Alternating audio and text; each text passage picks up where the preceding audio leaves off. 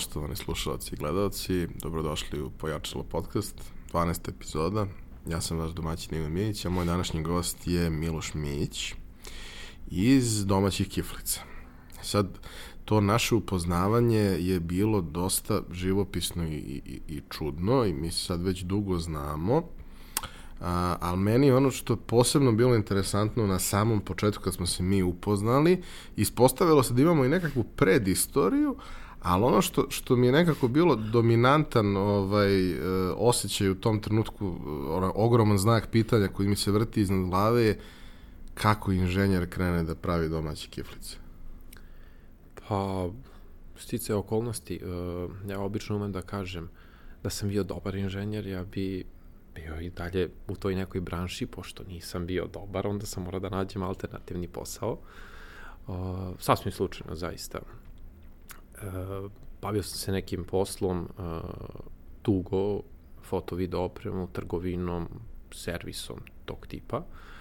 A ideja za kiflice je došla, pa, svratio sa tadašnjom devojkom kod nje kući, njena majka napravila neke kiflice, ja tu malo jeo, meni se to dopalo, e, trebali da idemo na neku slavu, rođendan, šta već i čujem ja priču e, tašta e, sadašnja pozove ih i pita kao šta da im donesi, oni kažu pa kiflice, kao umesite nam kiflice, ne treba nam ništa drugo.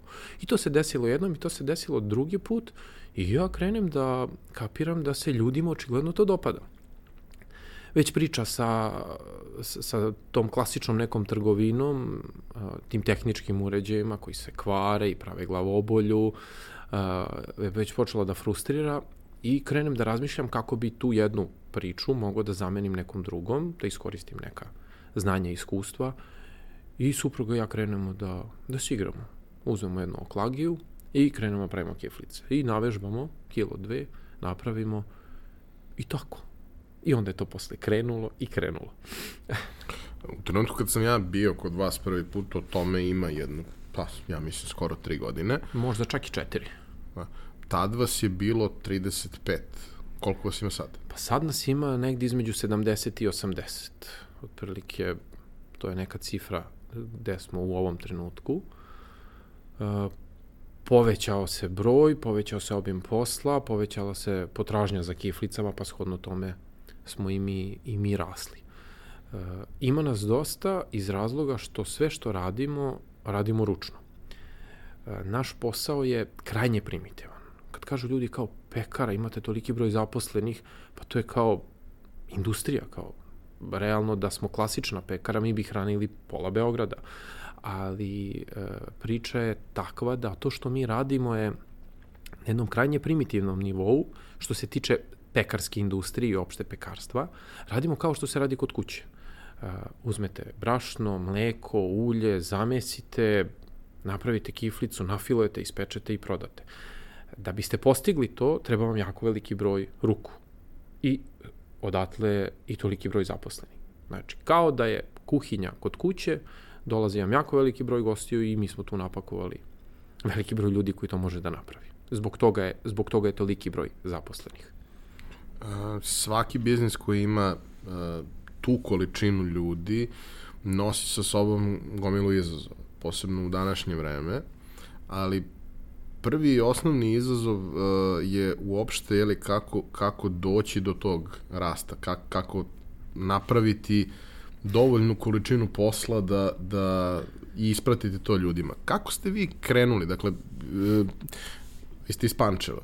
Da. A, I krenuli ste sa nekom lokalnom pričom. Da, to je baš bilo lokalna priča, pekarica u kraju, supruga, ja, to jest više supruga, ja sam tu bio, ajde, neka tehnička podrška, samo ona i e, dve devojke koje su, koje su radile, to je tako krenulo inicijalno i malo po malo krenula je priča po Pančevu da se širi, da imaju tamo neki koji prave jako lepe kiflice i počeli su a, da dolaze ljudi iz drugog dela grada, što obično, znate, nije praksa kad je, bar ne u Pančevu, kad je pekara u pitanju, ljudi obično kupuju pekari koje je u krugu od 500 metara. Ja, lokalno. O, lokalna pekara tu kupuju. E, kod nas su počeli ljudi da dolaze iz drugih delova grada i to se iskreno meni dopalo i počelo da mi imponuje i onda sam ja krenuo da razmišljam kako bi trebali da proširimo tržište i onda smo krenuli da radimo i dostavu po celom Pančevu i malo po malo o, ukazala se potreba da otvorimo još jednu pekaru u Pančevu, jer jednostavno u toj maloj nismo mogli da, da ispoštujemo, to je bilo više nego neuslovno. Cijela priča je krenula, ajde da probamo. Mi smo na licu mesta, bukvalno, pošto je jako mali prostor, mesili ispred mušterija.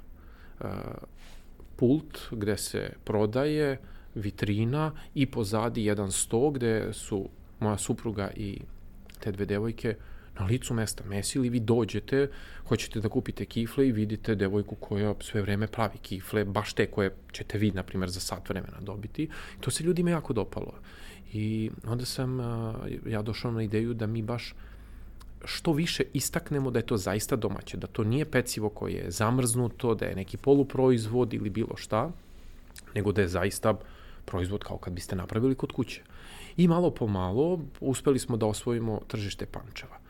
Supruga nije bila za to da se ide van Pančeva, ali se plašila većeg obima posla. Ja, pošto sam bio u poslu, kažem, kojim sam se bavio dugo i sa fotoaparatima, trgovinom, shvatio sam koliko je u stvari bitno izaći na šire tržište, gde imamo veći broj ljudi, veći broj mušterija i tako smo došli na ideju da se oprobamo u Beogradu. Inicijalno pekara koja je sada u Dimitrija Tucovića na Zvezdari je bila opremana za jedan sličan studio kao što vi ovde imate. Opremljeno sve napravljeno da bude jedan fotostudio, prodavnica i samo, samo u jednom trenutku prelomio, rekao sam ne, ovo nećemo da radimo, napravit ćemo pekaru. I tako je to krenulo. Prvih šest meseci je to išlo jako loše.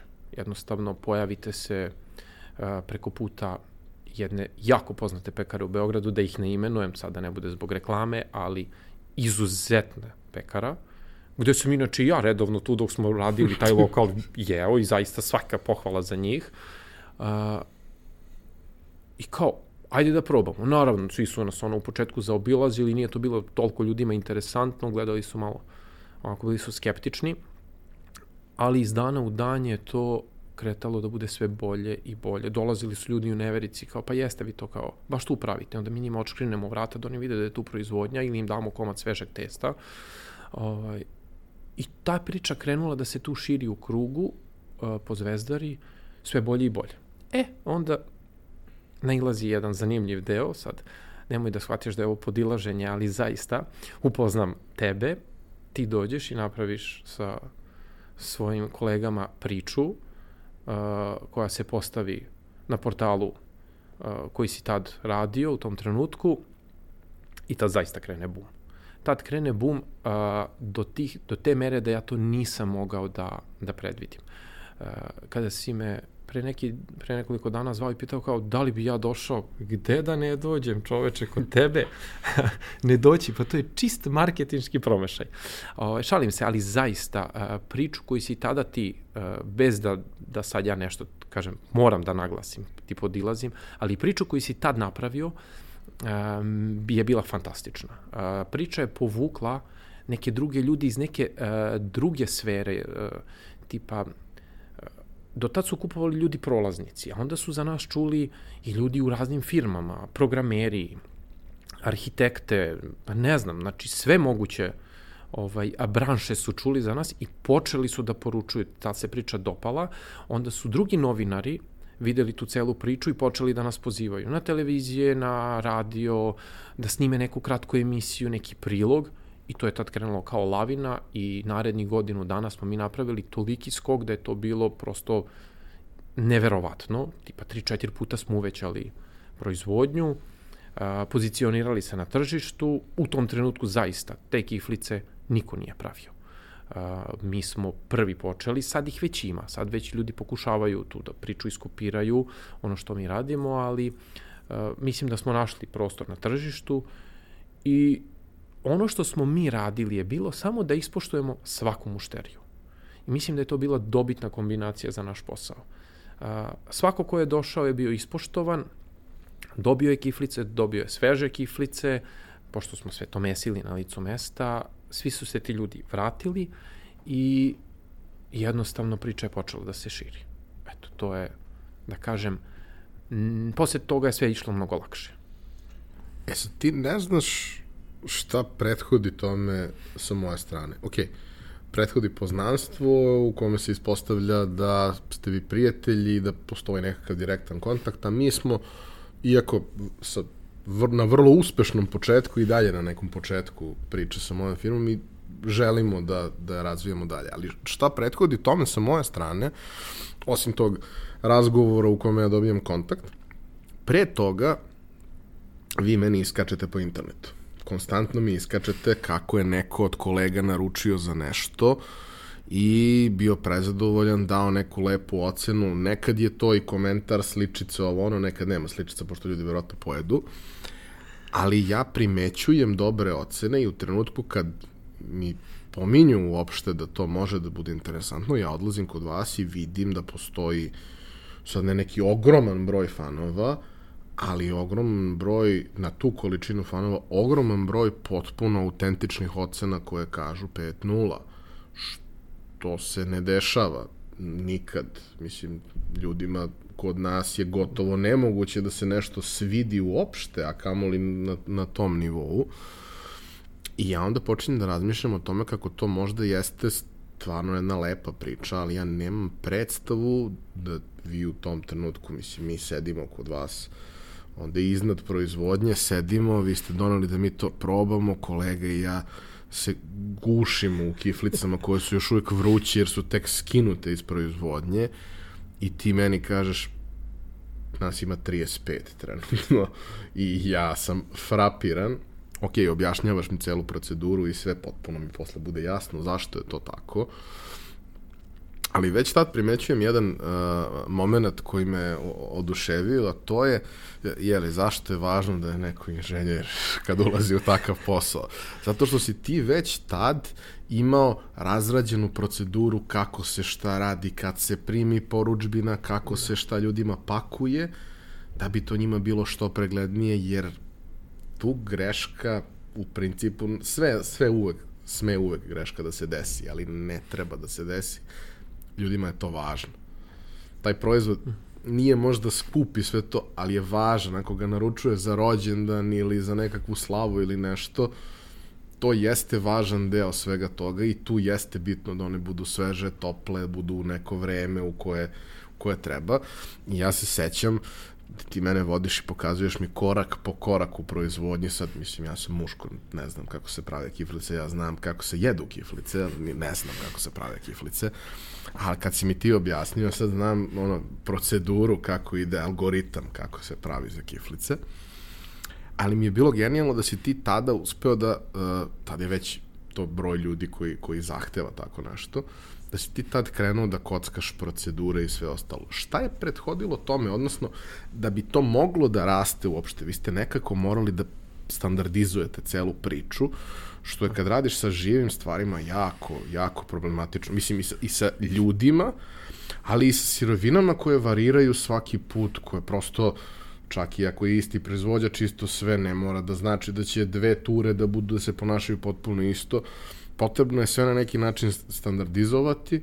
Kako uopšte ide to? Jer, mislim, ti nisi iz te priče. E, da, pa da, sad je ovo, ima dosta toga sad da pokušam da to nekako spakujem. Uh, jeste, uh, ono što je boja, bila moja prednost je što ja apsolutno nisam pekar, ne poznajem ni jednog pekara, ja posle pet godina bavljanja ovim poslom uh, sam upoznao dvojicu pekara onako usput, jedan koji mi je pomogao da mi da neke smernice, ali ja nisam znao zaista ni kakvu peć trebam da kupim. Čovjek mi je zaista puno pomogao, onako krajnje nesebično i to je bio jedini, jedini pekar koji je meni rekao je to trebaš tako, to nemoj tako. Svi ostali su jako suetni, ne žele da podele nikakvo znanje. I onda sam je okapirao da ja ne trebam da budem pekar. I sve što sam u buduće posle toga radio je bilo sve mimo onog klasičnog šablona pekare. Uh, imao sam veliko iskustvo iz posla kojim sam se prethodno bavio. Ja se realno privatnim poslom bavim od negde 2000. godine, kad sam kao student krenuo da radim neke usputne poslove oko računara. I tad sam napravio prvi shop gde sam prodavao takve stvari, gde, mislim, shop, sad kad kažete shop 2000-te, kad je internet išao na dial-up, kad pričam nekim klincima, oni me gledaju, ne znaju o čemu ja to njima pričam, ono imate 15 minuta da se nakačite uh, i da odradite šta imate, jer je preskupo bilo biti sat vremena na internetu. Uh, te neke stvari sam ja pokušao da implementiram u pekaru. I to je ono što je nama dalo ogroman vetar u leđa. Uh, ceo koncept je osmišljen uh, drugačije od onoga što sam ja imao prilike da u nekim fast foodovima ili pekarama se sretnem. Znači, hoću nešto da poručim u pekari, ja zovem, javi mi se tamo neko, taj neko je da li nervozan, neraspoložen, masne su mu ruke, ali nešto radi, upisao je na nekom papiru, nije dobro upisao, ukapirao sam da to nije dobra priča. Onda smo, uh, pošto sam programer inače, uh, ali ne dovoljno dobar programer, da bi se bavio programiranjem na svu sreću. Jer ali da dovoljno sam... dobar da budeš opas. A, da, da, da. Znači ja sam tu iskoristio ono, to moje znanje uh, koje sam znao da kako da osmislim celu priču. Moram da pomenem da sam se odlično oženio, pošto je uh, taj programski deo uh, Šurak uh, Ženin Burazer odradio fenomenalno. On je čovjek koji radi u Austriji i on je onako nesebično meni šta god sam ja izvoljevao pravio, jer sam ja znao da on to može da napravi i njemu je to bio izazov s jedne strane, a ja sam tero mak na konac da napravim savršen sistem, skoro pa savršen sistem za naše potrebe. Uh, sad da skratim priču kako je to sve išlo iz koraka u korak, jer nema potrebe uh, da opterećujem, ali mi smo sada došli na taj nivo gde imamo pet osoba koje rade uh, u call centru, koje primaju poručbine. Naše se poručbine primaju na jednom broju telefona koji se preusmerava na druge, tako da više ljudi može da se, da se javi. Mada i to nekad ume da bude, žale nam se da je prezauzeta linija, ali jednostavno dešavaju se trenuci kad imamo veliki broj, veliki broj poziva. A, mušterija poziva, priča sa operaterom a, koji ispred sebe ima mapu grada, a, prima poručbinu, čovek kaže želi, ne znam, danas popodne u 6 sati u igraonici toj toj, tu i tu količinu kifli, da one budu ovakve ili šta već. E, koleginica, pošto je pet, pet devojaka koje rade u, u call centru, unose u sistem poručbinu, kompletno, sa imenom, prezimenom, adresom, vremenom, kada će čovek biti od do, napomena adrese ako postoji, tipa ako je kući beba spava, ne radi interfon, uh, lupajte na prozor, apsolutno sve te detalje i šta mušterija želi, koje kifle, da li neke da budu rešpečene ili su bez susama ili su neke specijalne želje, usnimi poručbinu. Svaka pekara je kod nas uvezana i u svakoj pekari imate jedan veliki ekran na koji sve te poručbine izlaze ljudi u pekari apsolutno ne razmišljaju uh, šta treba da prave, uh, koliko od čega treba da prave, sve im piše na ekranu. Ne bakću se sa mušterijama da ih zovu, da ih opterećuju. Oni na ekranu vide, između 10 i 11 sati treba da napravimo 7 kila sa sirom, 12 kila sa kulenom, 5 kila sa junećim mesom i njihov posao je da to naprave i da to bude spremno, na primjer, u 10 i 15 druge kolege pakuju to u kutije. Na svakoj kutiji se nalazi odštampana nalepnica sa imenom, prezimenom, adresom i svim onim ostalim pojedinostima. Svaka kutija je označena da je to, ne znam, poručbina 96 i da je vozi vozač koji ima oznaku A2. Vozač ulazi u pekaru, pogleda na tabli šta ima, vidi na složene u, u, u rafu, koje su njegove poručbine sa njegovom oznakom, pakuje u kese i odnosi. Uh, svaki vozač ima aplikaciju na telefonu uh, preko kojega mi pratimo putem GPS i u svakom trenutku znamo gde se zaglavio. Uh, Google, uh, Google Maps ima fantastične mogućnosti gde vi možete da vidite i to krajnje besplatno, gde vi možete da vidite da li je zagušen koji deo grada, gde možemo da preusmerimo vozača, da mu organizujemo dostavu, to sve rade koleginici iz call centra. Vozač ima svoj telefon, aplikaciju zna, pokupio je tri dostave, obilazi ih u određenom delu grada, ali koleginici iz call centra mu tako dodelju, dodelju i grupišu, da, da bi on što manje lutao, da bi što brže dolazio na, na željenu adresu. I on čovek putem svog telefona dođe na adresu, tu mu piše sve i koga treba da pozove i sve ostale pojedinosti, da li je, da li je pas pušten ili nije, ili je vezan ili šta već. I to je način kako mi funkcionišemo. Bez tog sistema koji je uh, Šurak meni odradio, ja mislim da bi to bilo nemoguće da mi radimo ovaj posao na ovom nivou. Mi sada pokrijemo praktično ceo Beograd i po potrebi i van Beograda. Pozovu neka ljudi iz Surčina, iz Batajnice, iz Obrenovca, iz Mladenovca. Čak nekad radimo dostavi za te delove grada, ali postoji ograničenje u kilaži i ne možemo baš uvek da izađemo u susret ako je prevelika gužva, ali u 80% slučajeva možemo čak i to da pokrijemo, opet to sve zahvaljujući sistemu gde vi možete da vidite u svakom trenutku da li a, ste u gužvi, da li u tom trenutku, u tom vremenskom intervalu koliko kilograma imate, ako je prevelika gužva, vi preusmeravate određene poručbine iz jedne pekare, prebacujete u drugu, često se dešavaju, mislim, Srbije ostane pekara bez struje na dva sata, a, nama bi to bila havarija. Međutim, mi automatski poručbine prebacujemo na ostale pekare i tako tako generalno a, ispeglamo sve one nemile neke situacije koje bi mogle da dovedu do toga da ne dođete na vreme. Naravno, sad ja kada ovo ispričam, ovo deluje da sve savršeno funkcioniše. Daleko je to od savršeno, uvek tu postoje problemi. Znači, postoje problemi gužva u gradu koji ne možete da pred, predvidite. Uh, pokvari se auto, vozač ima udes, nekoga udari, uh, pukne guma, šta god. To su situacije gde može da dođe. E sad, mi smo se i tu potrudili da napravimo da mušterija uvek bude ispoštena. Ako je crkao, to jest pokvario se auto, ima bilo kakav defekt, mi zovemo taksi, sedamo u taksi, završimo isporuku ili šaljemo drugog vozača koji će to da preuzme i da završi koji je slobodan, da završi isporuku, pa onda posle rešavamo sve, sve dalje. To je ono što ja mislim da je nama dalo uh, onaj vetar u leđa i taj veliki broj zadovoljnih mušterija koji dobijaju skoro uvek u vremenu kada bi tražili. Mi ne možemo da isporučimo nekom tačno u 5 časova, ali mi nikad to i ne obećamo. Uvek kažemo, dobit ćete, na primjer, između 15 do 5 i 5 i 15. I tih pola sata mi ćemo sve da uradimo po svaku cenu da te kiflice stignu. Znači, ne možemo kao neki klasični fast foodovi, jer mi nismo klasičan fast food, da to ispoštujemo u minut tačno, ali svim ljudima damo interval i onda oni tačno znaju, ok, ako će doći u 5 sati, s posla, onda mi nećemo doći pre toga, doći ćemo između 5 i pola 6 i na taj način dajemo i našim vozačima prednosti da mogu da u određenom delu grada isporuče 2-3 2-3 dostave. Posebno problematično u, u celoj ovoj priči je negde znači, pronaći ljude koji tu mogu da rade.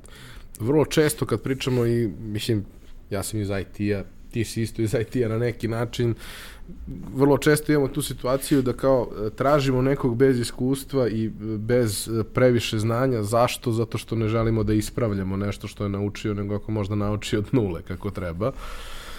Ti imaš istu situaciju. Zapravo, svi ljudi koji kod tebe kreću da rade, ako pričamo jeli, i o, o proizvodnji prevashodno, jer to je najveća grupacija, da poželjno je da nemaju prethodno iskustvo, jer onda imaju i neka predubeđenja koja u vašem sistemu, kako si i, objasnio u vašoj proizvodnji, ne funkcionišu na taj način. Kako ste dolazili do, do, do ljudi? Kako ste došli do ljudi koji su vam, da kažemo, danas uh, uh, ključni resurs? Samo malo pre sam pomenuo si me što se tiče nabavke repromaterijala i takvih stvari, pa ćemo se dotaći toga. To je jako zanimljiva jedna priča gde mislim da mnogi ljudi koji u Srbiji rade imaju ogromnih problema, ali ajde, to ćemo, to ćemo posle reći. Što se tiče ljudi, da, praksa je da mi zapošljavamo ljude koji apsolutno nemaju dodirnih tačaka sa pekarstvom. Iz kog razloga? Ono što ja često napomenem, mi nismo klasična pekara. Mi ne pravimo burek, mi ne pravimo hleb. Uh, mi ne pravimo perece, mi ne pravimo ništa to. Mi pravimo ono što bi svaka domaćica koja se i ole potrudi pravila kod kuće. Nama trebaju ljudi koji hoće da se potrude, kao i ta neka domaćica koja želi da se potrudi da napravi kiflice da budu dobre. Napravit će ih jednom, drugi, peti put i to neće da uspe. Šesti put će to već biti bolje. Posle desetog puta pravit će sasvim korektne, posle 20. puta bit će savršene. Poenta je samo da zaposleni koji kod nas dolaze imaju volju. Pekari uglavnom imaju neko predznanje i žele toga da se drže. Imaju ideju kako bi to trebalo u njihovoj glavi da bude i to često povezuju sa proizvodom koji su ceo život pravili i to je apsolutno normalno, ali mi ne želimo da pravimo klasičan pekarski proizvod, jer mi smo domaće kiflice, a nismo burek ili već nešto slično. Industrijske kiflice. Apsolutno, da.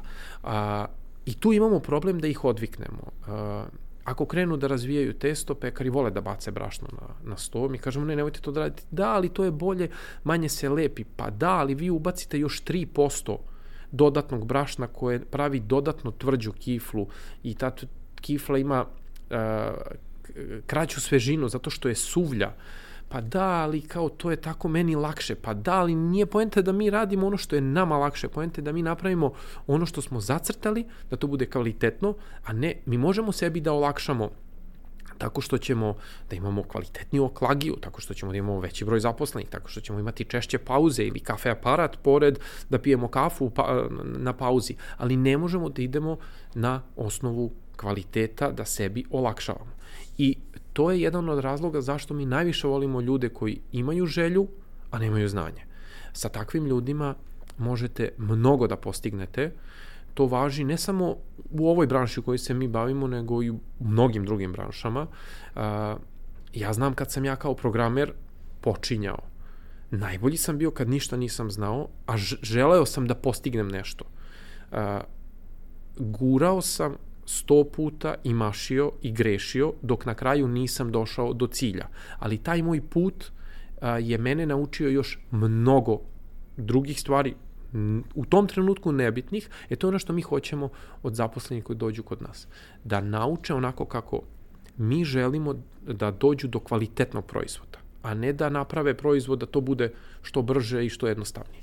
I e, javljaju se ljudi zaista raznih profila apsolutno ne postoji skoro profil kod nas koji ne, nema, znači od auto električara, mehaničara, a, koleginica koja je završila a, poljoprivredni fakultet, kolega koji je završio defektologiju, a, imali smo do skoro jednog odličnog novinara koji je otišao sad u Nemačku, ovaj, jer mu se tamo ukazala bolja prilika. Zaista ne bih znao više kakvih sve tu, ali širok spektar zanimanja.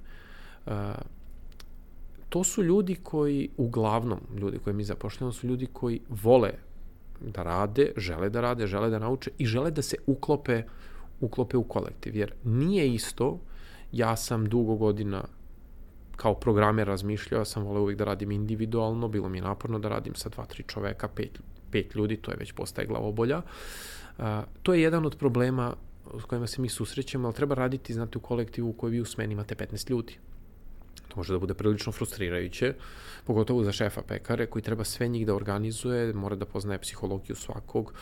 Ovaj ne voli da radi ne znam, kad mu je vruće, onaj ne voli da radi kad mu je hladno, onom smeta buka, onog nervira kolega, ono koleginica. E to su izazovi gde se mi susrećemo i koji nam u velikoj meri otežavaju, ali bože moj, to je, to je deo posla, tako da m, mm, nekako to prevazilazimo. Dokle ćemo, vidjet ćemo.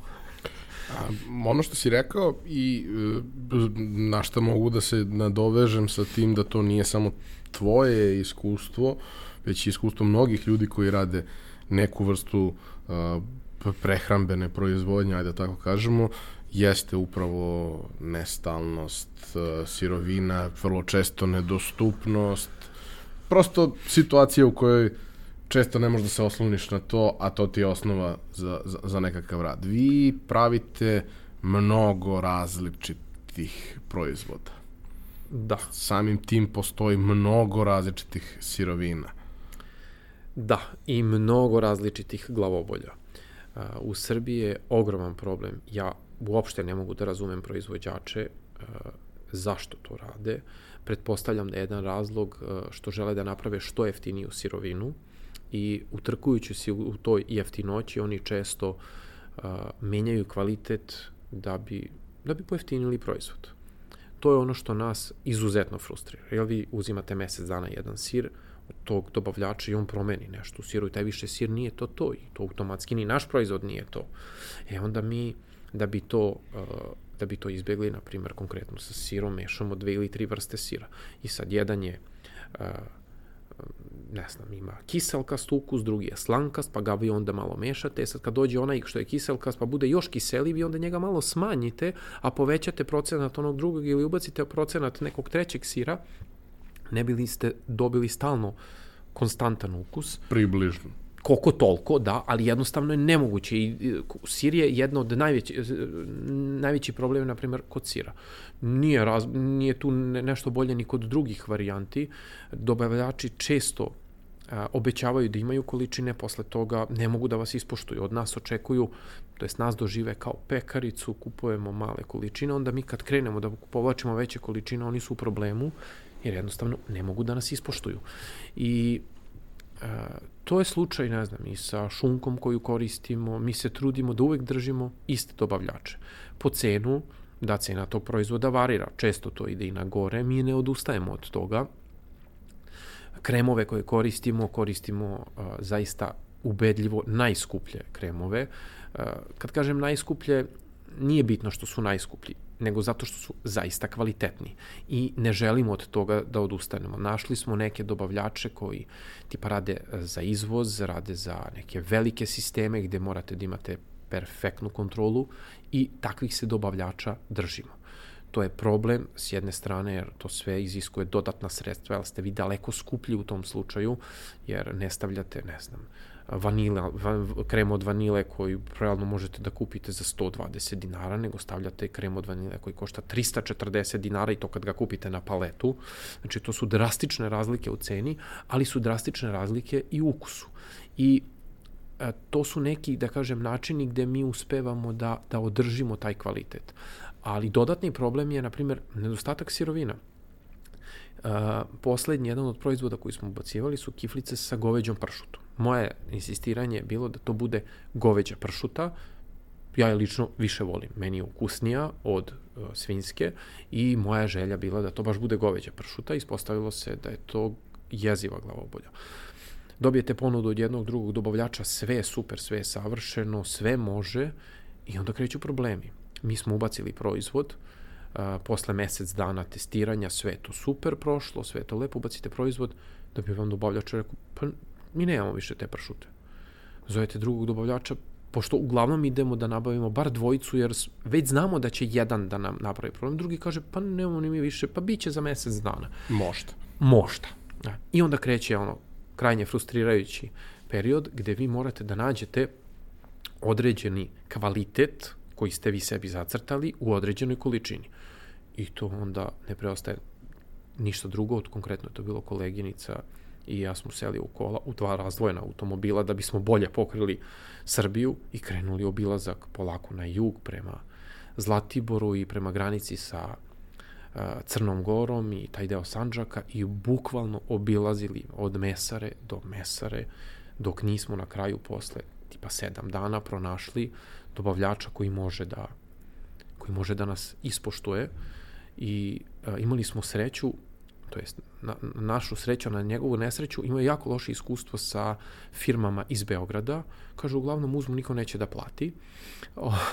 I ne, kaže, jednostavno neće da prodaje, neće njima da prodaje, sam nekako preko, mislim, zaista čudna priča, ali preko veze, preko preporuka prijatelja koji ih poznaju, došli od toga da smo na kraju ipak uspeli da napravimo saradnju, imaju odličnu pršutu, imaju dobar kvalitet, uvek imaju koliko nam treba i i na kraju smo došli do, do tog proizvoda, ali mislim da je besmisleno da se bavimo takvim stvarima, da vi izgubite mesec dana, obilazite Srbiju, pređete 2000 km da biste našli sirovinu. Pritom, ne pitate koliko ona košta, nije to više pitanje ni novca, smo mi upali u problem da smo krenuli i tu više nema da li ćemo naći jeftiniju ili skuplju, mi moramo da je nađemo i mora da bude taj kvalitet koji smo mi zacrtali. E, to je, na primjer, prilično frustrirajuće. To je, na primjer, jedan iz događaja koji smo koji smo sad skoro preživeli. Slična je priča i sa drugim, ne znam, sa ambalažom koju mi koristimo. Jednostavno, dobavljač vam kaže, pa imamo problem, pokvarila nam se mašina. Pa rekao, dobro znam, ali i nama kad se pokvari peć, mi popravljamo celu noć. nestajemo, jednostavno. Mi kupimo drugu, mi se snađemo, pozajmimo novac, ako nemamo, moramo da rešimo. Nama kad crkne automobil, on se popravlja noću, Jel mora ujutru da krene u 8? Tu nema govora. Kolega legne u 2 ujutru ispod automobila i do 3 noću ga popravlja. A, to mi je neshvatljivo kako masa firmi ovde u Srbiji funkcioniše i to je ono što užasno otežava. Mi smo sad uspeli da se podignemo na jedan viši nivo gde je nama lakše, možemo da kupimo veće količine, nabavili smo magacin, nalagerujemo robu, ali ja ne znam kako opstaju firme koje rade sa manjim obimom, obimom posla. Mislim, kad smo kod obima posla, trenutak kad sam ja zapravo shvatio onomad kad sam bio koliko ste vi veliki je bila uh, diskusija na temu u tom trenutku recimo ima dvadesetak ukusa, desetak slatkih, desetak slanih i sad pričamo mi, pa dobro, koje su to količine, pa to su neke količine, ima tu, ne znam, proizvodi se ovoliko toga, onoliko toga, dobro. Evo sad smo imali problem sa eurokremom. Do, dobro ne možemo da nađemo količinu koju nam treba, ali konačno smo uspeli da nađemo i onda smo uzeli da imamo za narednih mesec dana. Pa koliko ste uzeli? 800 kila. Dobro, a to je samo jedan, ok, kapiram, jedan od popularnijih, ali samo jedan od ukusa. Tek da vidite koliko sira ide. ne, ali uh, prosto da probamo da objasnimo uh, skalu na kojoj se sve ovo dešava. To su hiljade i hiljade i hiljade kiflica. E, da, to je rang hmm, za novu godinu smo napravili ugrubo je bila procena ranga negde 40.000 kiflica. Uh, ok, one jesu male, nisu one baš bog zna kako velike, one su ranga 35, 40, 45 grama, ali bez obzira 40 do 50 hiljada puta umotati nešto, pa samo 50.000 puta premestiti sa stola na pleh pa je puno. Ali dobro, to je vanredni dan kad mi krećemo u 2 ujutru da radimo i padnemo u nesvest u 7 uveče, gde smena svim zaposlenima traje 12 sati. 13 sati, ali to je, to je jedan jedini vanredni dan. Drugim danima je to manje, ali dalje je ta cifra relativno velika. A, zbog čega možda to deluje da su te količine velike? Meni se čude i mnogi drugi pekari a, kao, pa da, kao, kako vi, pa kako vi to pravite? Onda ja kažem količinu testa u kilograme, pa kao, pa nije to toliko mnogo, kao gde vi potrošite taj fil. E, ono što je naša prednost e, u odnosu na konkurenciju, a mana što se tiče finansijskog dela, da kod nas kiflica sadrži e, jednu trećinu fila i dve trećine testa. Uh, sve su kiflice prepune fila i to je jednostavno standard koji smo mi od početka postavili. Ako jedem kiflicu sa euro kremom, ja volim slatko. Ja volim da pojedem tri kiflici da sam se zasladio. Ne volim da tri puta zagrizem kiflicu da bi na sredini došao do malo nekog, nekog krema. Ja to prvi lično ne volim i onda zbog toga ta priča tako i krenula da mora da se stavi mnogo fila iz tog razloga mi, mi trošimo. To, sad praktično sve što kupujemo od nadeva se kupuje na paletu. To, paleta se kreće od 300 do 600 kg, sve zavisi od pakovanja. Ali da, to su te, to su te količine. Uh, ono što je isto uh, karakteristično, to je da postoje razni neki uh, ukusi koji su, hajde da kažemo, možda malo neobični, a koje vi povremeno uvodite, neki od njih pokaže se interesovanje pa opstanu, ali s vremenom na vreme, tako, mislim, pošto mi relativno često naručujemo i pratimo šta se dešava, ovaj, s vremenom na vreme provalimo neke nove ukuse koji su stvarno sjajni i oni se zadrže i sad one postanu nekako standard u celoj priči, a pretpostavljam da, pošto pričamo o ukusima koji nisu kupiš kanticu nečega i stavljaš iz kantice, da. nego je to opet proizvodnja za sebe. Uf, da. kako taj deo priče funkcioniše, jer verujem da je veliki izazov. Sećam se onda kad smo bili da je možda najproblematičniji bio fil sa mesom koji sam ja najviše voleo i ti znaš da ja to najviše volim i svaki put kad dođeš ti to doneseš, a sećam se da se mi tad objašnjavao da su to sati i sati pripreme neke količine koja ok, nije za jednu turu, nego je za više, ali je izazovna A opet pričamo o potpuno novoj liniji proizvodnje, to nema nikakve veze sa, sa pekarskom proizvodnjom. Da, a, to je problem. A, ja sam hteo, u početku smo mi radili a, klasično, stavite malo sira ili tipa džem od kajsije ili tog tipa, Uh, I to je ono što svi rade. Onda sam ja došao na ideju, kao i ceo koncept, volao sam da promenim Što ne bi nešto. zakomplikovao? Da, zašto ja sebi ne bi okačio kamen oko vrata i probao nešto. I uh, jedna od prvih eksperimenata koji dan danas najveća glavovolja su baš te kiflice sa june, to jest to je mleveni juneći but, tako se one zvanično i vode. Uh, ljudi kao kažu pa da to su kao sa, sa junećim mesom. Ne, nije to juneće meso, to je juneći but. Uh, jer je bitna razlika zato što uh, juneće meso koje vi kupujete često u mesarama su otpaci od obrade junećeg mesa, pa se tu samelje.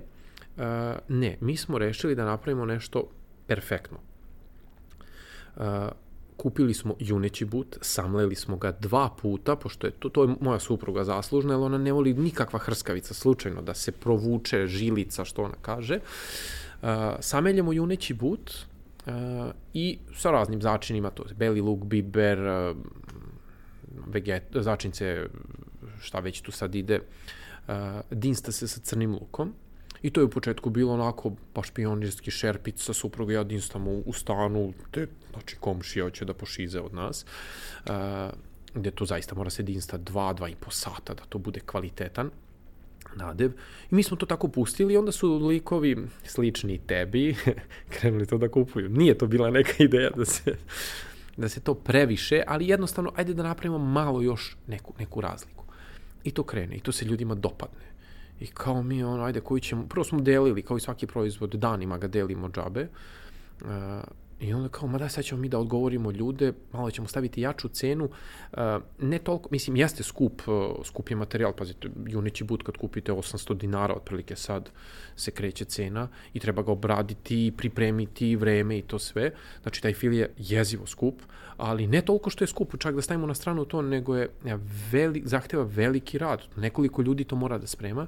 I rekao, ajde, ok, odgovorit ćemo me ljude, ma kakvi, onda je to krenulo i ljudima se to dopalo, Na kraju smo mi napravili jednu bukvalnu mini proizvodnju gde rade tri osobe koje koje to pripremaju s vremena na vreme, ne svaki dan. Kupili smo jedan veliki duplikator, to je onaj ogroman jedan kazan od 200 litara, gde mi to odinstamo. I to se krene da se polako čisti. Kupite 100-150 kg luka, isto toliko mesa i krenete polako da čistite luk, pa je onda to više nije moglo ručno, pa smo kupili mašinu koja će da čisti luk, pa će mašina koja će da secka luk, pa taj duplikator u kom će da se diskali, to, dinstali prvenstveno bio smederevac, na kom smo u velikim šerpama, pa onda to treba ohladiti, pa je to veliki problem, pa smo onda naručili da nam majstor od Prohroma napravi specijalnu neku posudu koju sam ja to dizajnirao, u kom se, koji ima na sebi posebne dodatne neke hladnjake koji odlače višak toplote, i mislim, to je sve science fiction, ako delo je malo čudno, ali uh, daje rezultat. Uh, sve kad to se završi, sad to sve treba spakovati, spakujete u zamrzivač, sve je to super kad imate 10, 20, 30 kg, kad imate 100 kg, onda to zamrzivač ne može da zamrzne i ohladi jako brzo, onda napravite komoru, ogromnu minusnu komoru, da, i onda ukapirate sebi napravili toliku glavobolju da ono prosto vam dođe da to celu priču izbacite i odustanete, ali ne vredi. Šta, šta, šta bi mi rekli ljudi kao što si ti, jednostavno to... E onda, uh, malo vam je ta jedna omča, nego kao mislite sad ćete se rasteretiti, pa kao sad ćemo mi da ubacimo sa pilećim mesom uh, dinstanu piletinu u mleku, senfu, ludilo opet neko. Ovaj, I to sve super. Uh, kao prodavaće se sad meso juneće manje pa će ljudi više da kupuju piletinu. Ne, prodaje se junetina isto, a prodaje se sad dodatno i piletina i sad moramo i to da spremamo. Ali uh, je u neku, u neku ruku lakša, uh, jednostavnija je obrada, pileće meso se mnogo kraće dinsta, ne morate ga dinstati 2-2,5 sata, dovoljno je, na primjer, 45 minuta do sat vremena, pa je to malo jednostavnije, ali opet sad smo to napravili, sad imamo i tu komoru u kojoj mi to možemo da uskladištimo zalihe za mesec dana, na primjer, da imamo, jer najlaze periodi kada cena mesa osciluje, kada nemate dovoljno i to je jedan od problema, ne možete jednostavno, vi možete da odete, odete u mesor i kupite kilog, kilogram dva junećeg buta, ali odete tražite 300 kg, ovo je gledaju kao da ste pali s Marsa, jednostavno ne mogu da vam prodaju. I sad smo sebi opasan problem napravili, do te mere da ćemo vrlo verovatno morati da uvedemo i neki treći, četvrti, peti ukus, da bi sada ti ljudi koji e, prave, praktično rade samo to, mogli da zarade sebi za platu, moraju da imaju dodatni posao i a mi dodatno glavobolju. A, tako da biće verovatno i nekih e, drugih ukusa i mislim da je u tome prednost naša što ne radimo samo ono klasično što možete da kupite i nafilujete. Pokušavamo da napravimo takve neke ukuse gde drugi ljudi neće moći, to je druge pekare, konkurencija, da nas isprate, a s druge strane mušterijama pružamo vrhunski kvalitet. Kad kažem piletina, to je čist pileći file. Belo meso, skoro nam je iz jedne velike mesne industrije, o, to je onako meni baš puno imponovalo, puno mi je srce bilo, dolazi čovek, on ima nama da ponudi nadev e, od pilećeg mesa, to je fantastično, pa ja kažem, da, mi imamo već to, pa da, ali vidjet ćete, ovo je fantastično, morate da probate. I sad kreće onu klasičnu priču kao i svaki komercijalista, I ja ono kažem, dobro, ali molim vas pre toga i dajmo kiflicu, probajte našu kiflicu sa, sa pilećim mesom. I on čovek zagrize i kaže, a šta je ovo unutra? Pileći file, dinstan, u mleku, u senfu. A dobro, onda ništa. I uzim čovek i pakuje. I ja gledam, rekao, pa ne, možemo da probamo, ali ne, kaže, nema svrhe, kaže, da vam nudimo ovo, kaže, kao, potpuno je kao, besmisleno, kaže, da pričamo o nivou na kom vi radite i ovo, kaže, što mi nudimo. Uh, sa jedne strane, ok, imaš masovnu proizvodnju, sad je to već jako veliko. Sa druge strane, praviš proizvod koji je prilično jeftin. Mislim, ok, ima raznih uh, dubina džepova u Beogradu, ali nije to nešto što ljudi sebi ne mogu da, da priušte. Ako je to nekakav idealna varijanta, nekakav dečiji rođendan, nekakva proslava, nešto se skupljaju ljudi da gledaju film, nije bitno, pa neće niko ništa sprema jer ih mrzi. Za par hiljada dinara tu može se nahrani jedna mala vojska.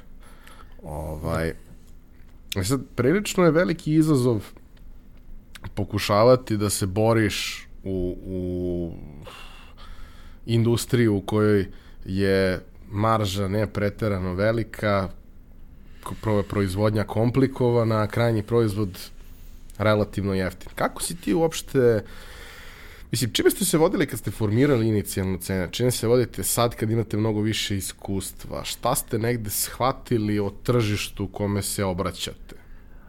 Pa, ja sam tu možda napravio jednu grešku, da sam bio malo neiskusan, ali uh, ja sam čovjek koji voli mm, da kad kreću neki posao, razrađujem ja to u glavi, noćima ne spavam i sve to.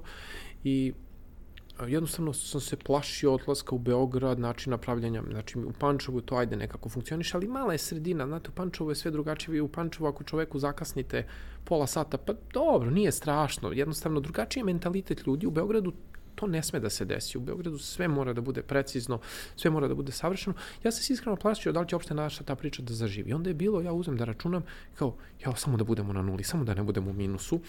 I cela priča je tako krenula.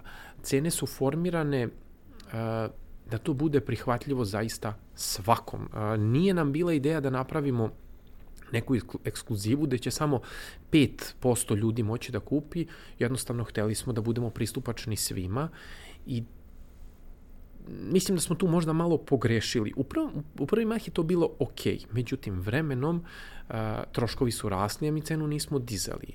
I uporno smo pokušavali da to a, iskompenzujemo povećanjem obima posla. Pa ako smo ranije, ne znam, po kiflici zarađivali ne znam, jedan dinar, vremenom je to palo ne, 60 para, ali smo se mi trudili da napravimo umesto jedne, dve kiflice i da prodamo i da na taj način to amortizujemo, ali smo sebe dodatno zakomplikovali sa većim brojem zaposlenih, sa čitavom organizacijom koja postaje sve veća i veća glavobolja. I mislim da smo tu možda napravili, ajde da kažem, malu grešku, jer verujem da je proizvod mogao, i verujem da i sada, vidim ja po ljudima koji kupuju, jednostavno ne pitaju za cenu. 95% naših mušterija ne pita za cenu. Jedan Eurokrem smo pre jedno šest meseci jednostavno morali da podignemo cenu jer je skočio u nabavci drastično i postalo je besmisleno ono, da, da, da, da se više pravi. I onda smo malo podigli cenu i plašili smo se reakcije. Na kraju niko se nije, jedno, apsolutno niko nije komentarisao cenu. Uh, ali bez obzira na sve to, moj neki stav da da probamo da istrajemo ovako. Nikad nije postojala želja s moje strane da ja sad zaradim veliki novac. Uh, ja sam malo čudan lik, uh, vjerojatno kao Prilično, ti, da. prilično, ali okej, nisi loš moment. Da, da, da. Ovaj, ja volim da napravim da napravim da posao dobro funkcioniše. I meni je ambicija, to, to je bio moj glavni cilj, da napravim da posao dobro funkcioniše. Novac nije bio primaran. I to je ono čime sam se ja vodio, samo da ne idemo u minus. Da bar radimo na nuli. Bez ikakvih ambicija da napravim neki ogroman profit. To je bilo jako dobro u početnom trenutku. Sada malo nas to muči, otežava, ali uporni smo mi. Nećemo da odustajemo. Tako da mislim da sigurno još jedno vreme cene se neće menjati mada zaista mislim da ne bi uticalo na prodaju da podignemo cene. Mm, Jedini razlog kada bude, ako bude došlo do promena cena je da bi mogli da iskompenzujemo povećanje zarada. Od 2014. od kad smo mi u Beogradu, jednostavno trend je takav, plate skaču, ljudi više neće da rade za manju platu i to je super s jedne strane, ali mi tu sad upadamo u problem. Znači, ako bude došlo do povećanja cena, to će biti samo da se pokriju to povećanje zarade, jer um, takav je trend, ljudi odlaze u inostranstvo, sve je teže naći, sve je teže, ono što smo pomenuli, ovaj, radnu snagu, kvalitetnu radnu snagu i to može da bude razlog eto, povećanja cena. Do tad probat ćemo Dobro, vi ste i do sad uh, u, u tim nekim situacijama kroz koje ste prolazili sa povećanjem obima posla uvek pravili nekakvu stimulaciju za zaposlene i plate su rasle kako je jesu. firma rasla. Jesu. Da. Ali sad postoji malo veća disproporcija nego inače Da, zbog da. svih ovih odlazaka u Jeste. Nemačku i Da, i ostale zemlje. Jako je teško sad ispratiti, sve skače i cene repromaterijala su skočile u poslednje četiri godine i cene zakupa prostora, poslovnog prostora i gorivo je skočilo i apsolutno sve skače, ali kažem, mi pokušavamo koliko možemo jer nam je prvenstveno cilj da održimo sistem da funkcioniše dobro. Ako bude moralo, dizaćemo nešto, možda nećemo sve, možda ćemo napraviti neku, neke artikle samo, ali na primjer to juneće meso, a, kada je cena formirana, juneći but smo mi plaćali 470 dinara, to je naša prva poručbina junećeg buta, sada juneći but košta 800 dinara. Znate, i to je da vi imate praktično dupliranu cenu tog fila gde Da, ja negde duboko verujem da e, kada pričamo o proizvodu kakav je vaš, razlika u ceni koja vama znači e, mnogo lagodnije poslovanje nije razlika od cene da se poveća cena proizvoda duplo, to je razlika da se poveća 10, 15, 20 Da, posto. pa- da. To suštinski, zaista verujem, velikoj većini ljudi ne menja ništa. Pa znam, ali nekako ja to sve doživljavam, ono, od, reći će, pa evo već ovi sad gledaju da zarade pare, da uzmu više, evo sad im je krenulo i onda ja zbog toga taj deo izbegavam, ali verujem da će se to pre ili kasnije desiti, ali jednostavno, znate, sve košta, ambalaže, mislim, ne postoji uh, stvar koja se kod nas u proizvodnji od te pre, četiri godine nije promenila, što se te cene tiče na više. I to je jednostavno, i sve to košta i ono kada ne, ne možemo negde da stignemo, nego moramo da platimo taksi ili auto u kvaru i sve to košta. Mi to za sad sve amortizujemo da bi mušterija bila zadovoljna kroz te neke naše prihode i sve to ide okej, a sad vidjet ćemo, ne gubimo neku, ono, nismo uplašeni, posao će da funkcioniše, možda ćemo manje zarađivati, ali nama je bitno da po- posao funkcioniše. Sad je već to, znaš, velika odgovornost, veliki broj ljudi tu postoji, ja bi nekad najradije pobegao od svega toga, ima dana, pričali smo pre početka ovog razgovora kako to ume sve jako da frustrira, nekad bi čovjek najradije pobegao, ali postoji ta odgovornost i prema tim ljudima gde vi jednostavno ne možete baš tako. I kad ste bolesni ne možete baš da e, ležite 5 dana, ovaj, ali sve su to neki izazovi, pa uraćemo. Mislim, ima tu mnogo teških momenta, ali ima i mnogo lepih momenta. Ja volim da kažem, ovaj, kad pričamo na ove naše čudne teme sa čudnim ljudima, ako si već ušao u ovako nešto, mora si malo lud na neki način, ali naš zadatak nije da ti pomognemo oko toga, tu ne možemo da ti pomognemo. Naš zadatak je da ti pokažemo da nisi sam. Jer kad si ludi sam, to je problem. Ali kad si ludi, ima još neko, Može da bar je razume. dobro zezanje. da, da. To jeste. A, i hajde da se samo dotaknemo još, još nekih stvari koje mislim da su bitne. Prva stvar, e, pričali smo sad o nekim malo e, egzotičnijim ovaj, ukusima, malo nekim e, kompleksnijim, da kažemo, ih proizvodima. A, da li to onda znači lagano ulazak u neke proizvode višeg cenovnog ranga? A, verovatno da, zato što nam se pojavljuje sve, sve veći broj kupaca koji bi nešto specijalno. E sad, tu postoji kod nas jedan problem, e, taj sam naš način proizvodnje, ne znam, dođu pa meni kažu ljudi, da, mogli biste da napravite kiflice sa tunjevinom. Da, mogli bismo da, uf, fe, da, da, ali tu se javlja jedan problem. Način na koji mi radimo, mi kiflice sve pravimo sveže i one realno po našim standardima treba da se pojedu u roku od 3 sata. One su dobre i sutradan, ali to nije ono dobro... Dobro su i posle dva dana, nije važno kako znam, ali... Slažem se, ali standard koji smo mi sebi postavili je da to se pojede sveže u roku od 3 sata, jer tad vi dobijate onu pravu punoću ukusa. To je ono ono što, što mi hoćemo. To je ono što ja kad odem, mislim ranije dok sam odlazio kod tašte, kad pojedem, e to je to. Je to. Mislim uprko s tome što je tašta. Ovaj, uh, to je ono što mi hoćemo. E sad, ako pravite kiflice sa tunjevinom, vi danas morate, da biste ih uvek imali sveže, morate da ih napravite, ne znam, 30 kilograma vi trebate danas da nađete 100 ljudi koji će to da zaista kupi. Jer ako danas dođe čovjek pa kupi jedan u 8 sati, a jedan u 11, te kifle koje moramo da ih imamo, dugo stoje, to nije to. I onda je tu problem kod uvođenja novih ukusa da se, e, da se održi taj neki kvalitet gde bismo mi mogli da pružimo ono što mi želimo, a da mušterija dobije ono na što je navikla, i da ta cela priča funkcioniše. Eto, to je, na primjer, jedan od razloga zašto, na primjer, ta tunjevina će jako teško da funkcioniše ili možda može, ali samo po poručbini. Da se napravi da čovjek požo... I, pozite, svakakve smo mi zahteve dobijali. Kaže, čovjek hoće kiflica sa kiselim kupusom. Pa dobro, okej, okay. kao ćete vaš kiseli kupus ili da idemo da kupimo pa kao, možete vi da kupite, ali imam ja lep domaći, onda on donese mi napravimo. Ili hoće sa džemom od šipka određenog proizvođača i onda mi kao, ok, idemo, kupimo tu teglicu, napravimo im. A, to nije sporno, ali za klasičnu maloprodaju a, je jako teško održati po našim standardima. Druge pekare rade drugačije. Druga pekara ispeče ujutru u 6 između 6 i 8 peče proizvode i prodaje ih ceo dan. No, drži ih u toploj vitrini. Pa to da, je to. Ali, ali to je i drugačije testo. To je testo, ne znam, prepuno nekih aditiva za održavanje svežine i drugačije. To, to, su, to su lisnata testa, naše testo kvasno, domaće testo. I to nije to. I onda tu se javlja problem da mi održimo kvalitet koji želimo, a opet s druge strane dispoštujemo, na primjer, gurmane kao što si ti koji jednostavno uh, volao bi da proba, ono, ili tipa sa, ne znam, ajvarom, ili, da. Ali, na primjer, testirali smo kiflice sa ajvarom, imaju jednu manu. Oni imaju čak problem kad su sveže.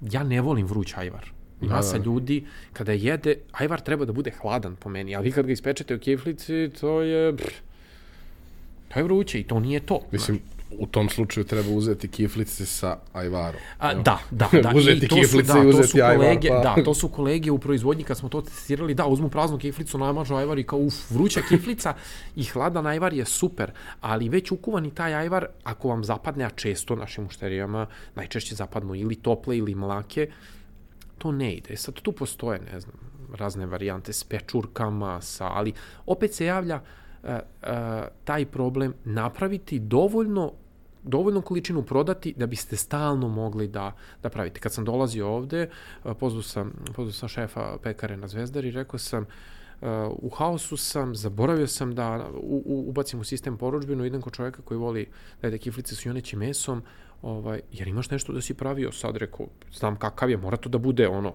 kaže, sad ću da provjerim, upravo izlaze. I to je to, one su spakovane i one su ovde stigle, ja sam malo duže tražio parking, pa je zbog toga, ali to su kiflice ne starije od 25 minuta. To je ono što mi, što mi hoćemo da, da održimo u poslu.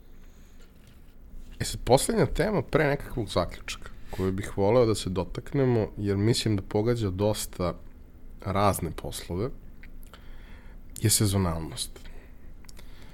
A kod vas je sezonalnost takođe prilično izražena. Mislim, imamo taj, tu sezonu kad kreću slave i onda je verovatno strašno i te slave se nadovezuju lagano na nove godine i novogodišnje proslave i sve ostalo i kapiram da je taj kraj godine uvek raspadanje od posla, ali isto tako kapiram da postoji deo godine u kome prosto ima mnogo manje posla, mnogo manje svega, a ti imaš iste obaveze i imaš isti sistem koji moraš uh, da održavaš i finansijski i sve ostalo.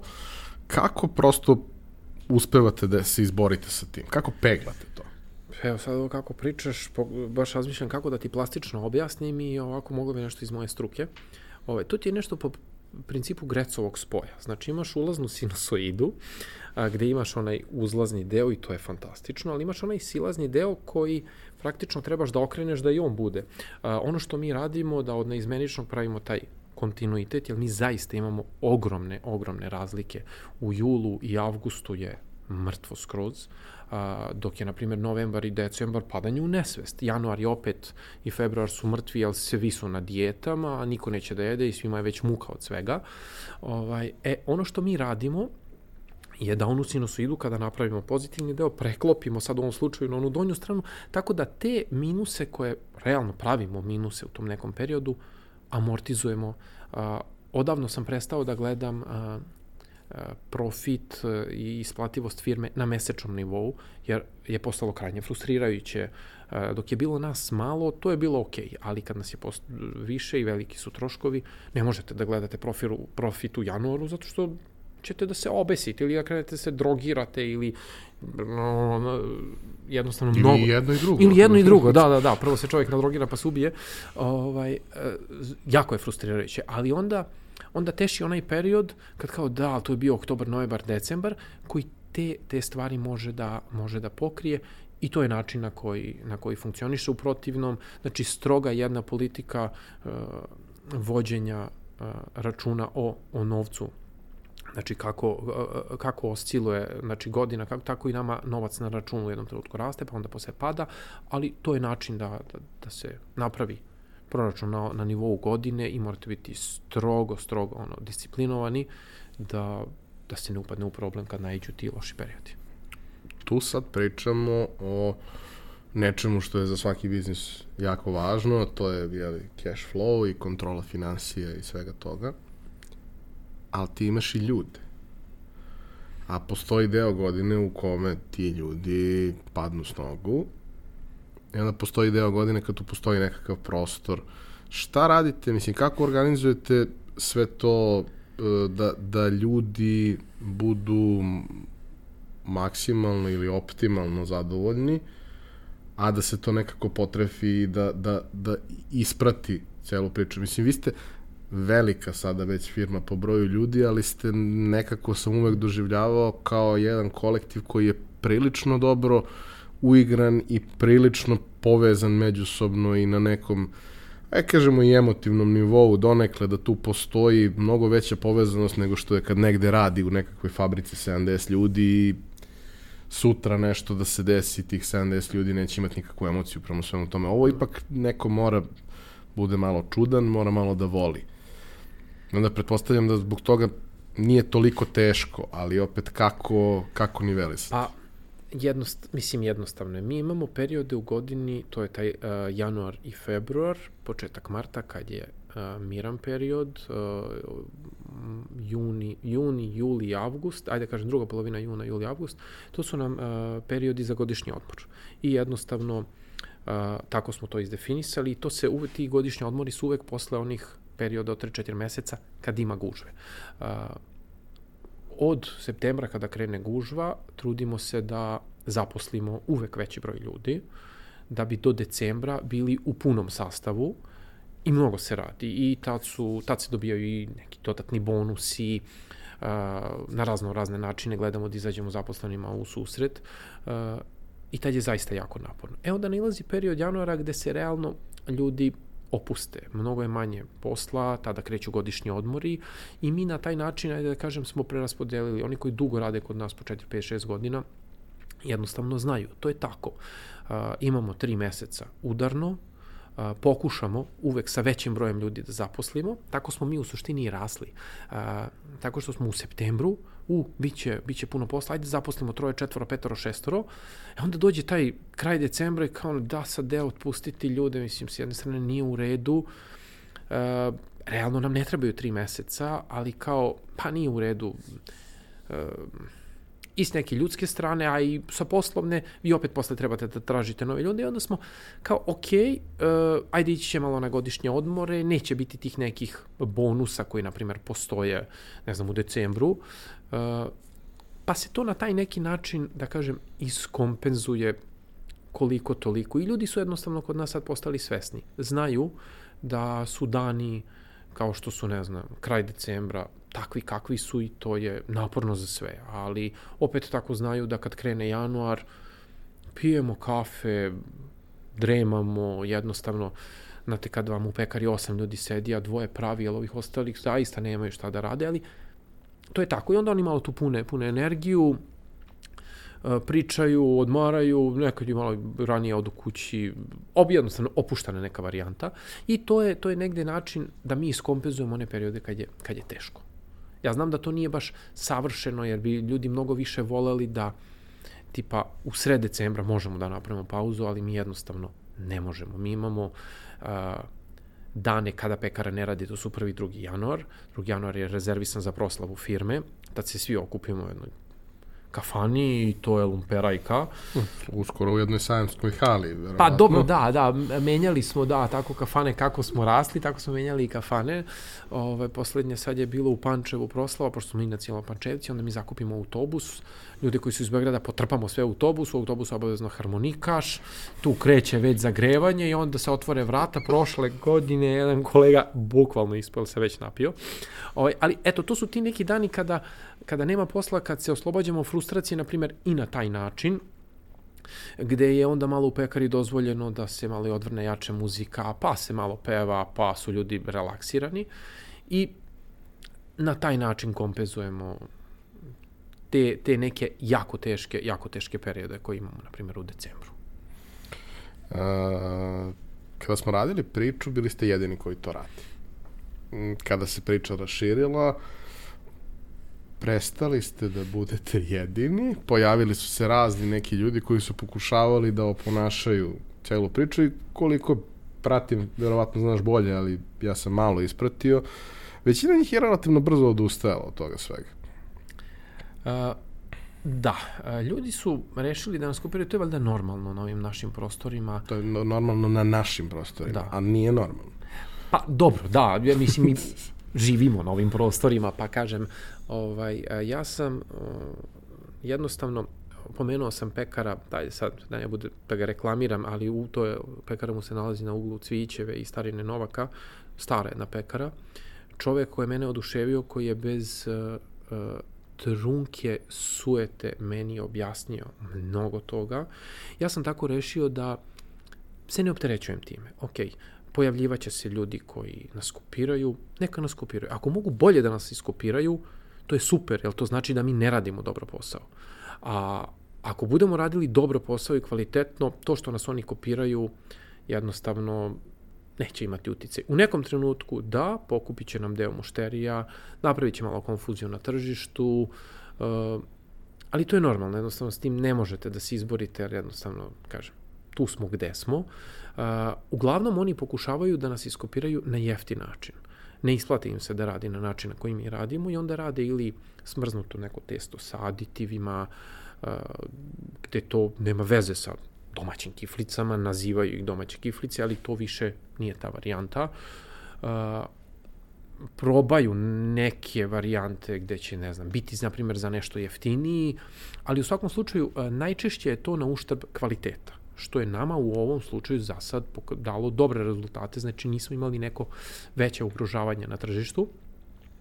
I u krajnjem slučaju i dobro je da postoji konkurencija. Svaki put kad se pojavi neka pekara koja pravi kiflice, to nas malo promrda. Uh, meni je jako drago kad uh, smo počeli ovu priču u kojoj god pekari da sam bio, nigde niste mogli da vidite domaće kiflice ili su postojale jako redke pekare koje bi uopšte stavile naziv domaće kiflice. Bile su klasične kifle ili neke eventualno manje prazne ili eventualno samo sa sirom. E sad već posle nekoliko godina ovde na tržištu Beograda ovaj, imam utisak da u svaku drugu pekaru u kojoj uđem vidim domaće kiflice. S jedne strane, da, to je konkurencija, oni nam uzimaju vjerojatno deo profita i to sve, ali s druge strane, da, postoji neka lična satisfakcija da kao ono, postavio sam standard. Znači, postavili smo standard gde su mnogo jače pekare počele da nas kopiraju. To je ono što nama daje, uh, daje znak da, je, da ono što radimo je dobro. I ja se ne plašim da ćemo mi propasti zbog te konkurencije. Mi možemo da propadnemo ako krenemo loše da radimo. E, da nas konkurencija iskopira baš 100%, da prave na isti način koji mi radimo, treba im vremena. I ja podržavam svakog ko pravi na način koji mi pravimo, to je meni skroz ok. Jeftine kopije mislim da su loša priča i promašena, ali dobro, svako na tržištu treba da sebi pronađe. A, sa poslovne strane, mislim da je loše bilo koga kopirati, jer jednostavno, a, ajde da sad poredimo neki brend, kao što je, na primjer, Coca-Cola, vi možete da probate da pravite kopiju Coca-Cola, ali je besmisleno utrkivati se s njim, jer oni će uvek moći da daju više novca za reklamu i uvek će moći da vas zgaze, bukvalno. Po meni je mnogo bolje napraviti, ne morate da budu domaće kiflice, neka budu domaće perece. Napravite priču domaće perece, pa punjene domaće perece, pa nafilujte ih nekako, pa ne znam nešto, ali to je ono što nedostaje kod, kod ljudi ovde koji ulaze u preduzetništvo. Nedostaje malo ta kreativnost i uporno kopiraju. Da, jutro sam prošao pored jedne pekare koja funkcioniše, ja mislim, otprilike godinu dana, sličan naziv kao naš, kutiju su iskopirali, da bude skroz identična sa spoljne strane i čak neka udubljenja koje smo mi pa, pravili kao fora, kao šarice, i to su iskopirali.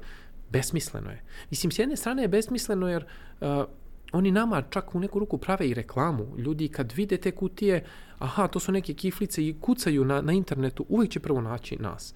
A, I onda pogledam tu kutiju i otvorim i vidim da je ono unutra nije obložena aluminijumskom folijom, nego je napravljena jeftina varijanta koja ne održava toplotu, koja nema nikakvu zaštitu, nego se masti i to. I to onda malo razočara, jednostavno razočarate se u tu konkurenciju. Znači, ako, kao, ne znam, mislim, ne znam kako bi to objasnio, ali volim kad imam konkurenciju, pa da je i zdrava, da se s njima, jer da, da se rvemo, jer će i u nama probuditi nešto dobro. Ali kažem, tako je kako je, tržište ovde tako kako je i tako funkcioniše. Mislim da je poenta koju si dao, a koja kaže zašto ne bi pravili domaće perece ili bilo šta drugo domaće što može da se pravi po sličnom modelu, ali da to ne bude baš potpuno identičan proizvod. Mislim da je to put u kome, u kome ima sasvim dovoljno prostora da možda ćete se mačovati za isti ili sličan deo tržišta, ali nije važno. Da. Biće još jedan novi proizvod, biće još neko će da stavlja omču sebi i tako dalje. Proći će neko celu priču, napravit će nešto svoje, usavršavat će to, radit će na tome. Znaš kao, da li su to kifle, knedle, krofne da kažem, da. ili nešto deseto, nije bitno. Ali tu postoji prostor, ljudi to vole. Postoji razlog zašto ljudi to vole. Mislim, ove nove generacije klinaca nisu odrasle na domaćim kiflicama. Vrlo malo majki je to pravilo, eventualno baka možda. Ali su i oni zavolili, jer ne možda ne zavoliš taj ukus. Jednostavno to je prvo slatke su onako i simpatične, drugo ne možda ne zavoliš taj ukus kada je to stvarno iskren i sjajan proizvod, tu ne postoji ništa što ti možeš da kažeš možda kažeš ovaj ukus mi se više sviđa od onog, ali to je jedan iskren i pravi proizvod, jedan pošten proizvod, ajde da ga tako kažem si nas nahvalio svak čas. Pa dobro, nije kao da niste zaslužili. Dobro, Miloše, mislim da je ovo bila jedna lepa priča ovaj, dva IT-evca o nečemu potpuno drugom. Hvala ti puno što si bio, hvala ti što si podelio priču sa nama, nastavi da radiš sjajne stvari. Ja se nadam da će biti prilike da ponovo podelimo ovako neki razgovor, bilo pred kamerama ili van njih, znaš koliko volim da pričam sa tobom, koliko volim da se bavim tim nekim ono kao aha, imamo problem koji je sulud i niko ne može da ga reši, ajde sednemo da se bavimo tim. Zašto mi ne bismo izgubili par sati da probamo da rešimo nešto što je nemoguće? Jer nemoguće je samo do trenutka da ga ne rešiš. Apsolutno.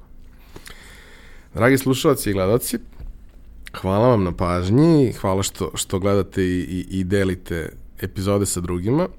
A, kao i do sada, molim vas da u komentarima na društvenim mrežama putem poruka, mailova sa sajta, pošaljite nekakav feedback, pošaljite nekakve ideje, predloge, koga bismo još mogli da zovemo u goste, na koje teme bismo još volili da pričamo. Ja vam se zahvaljujem, vidimo se i čujemo sledeće srede, a tebi Miloš još jednom hvala što si bio. A tebi što si me pozvao.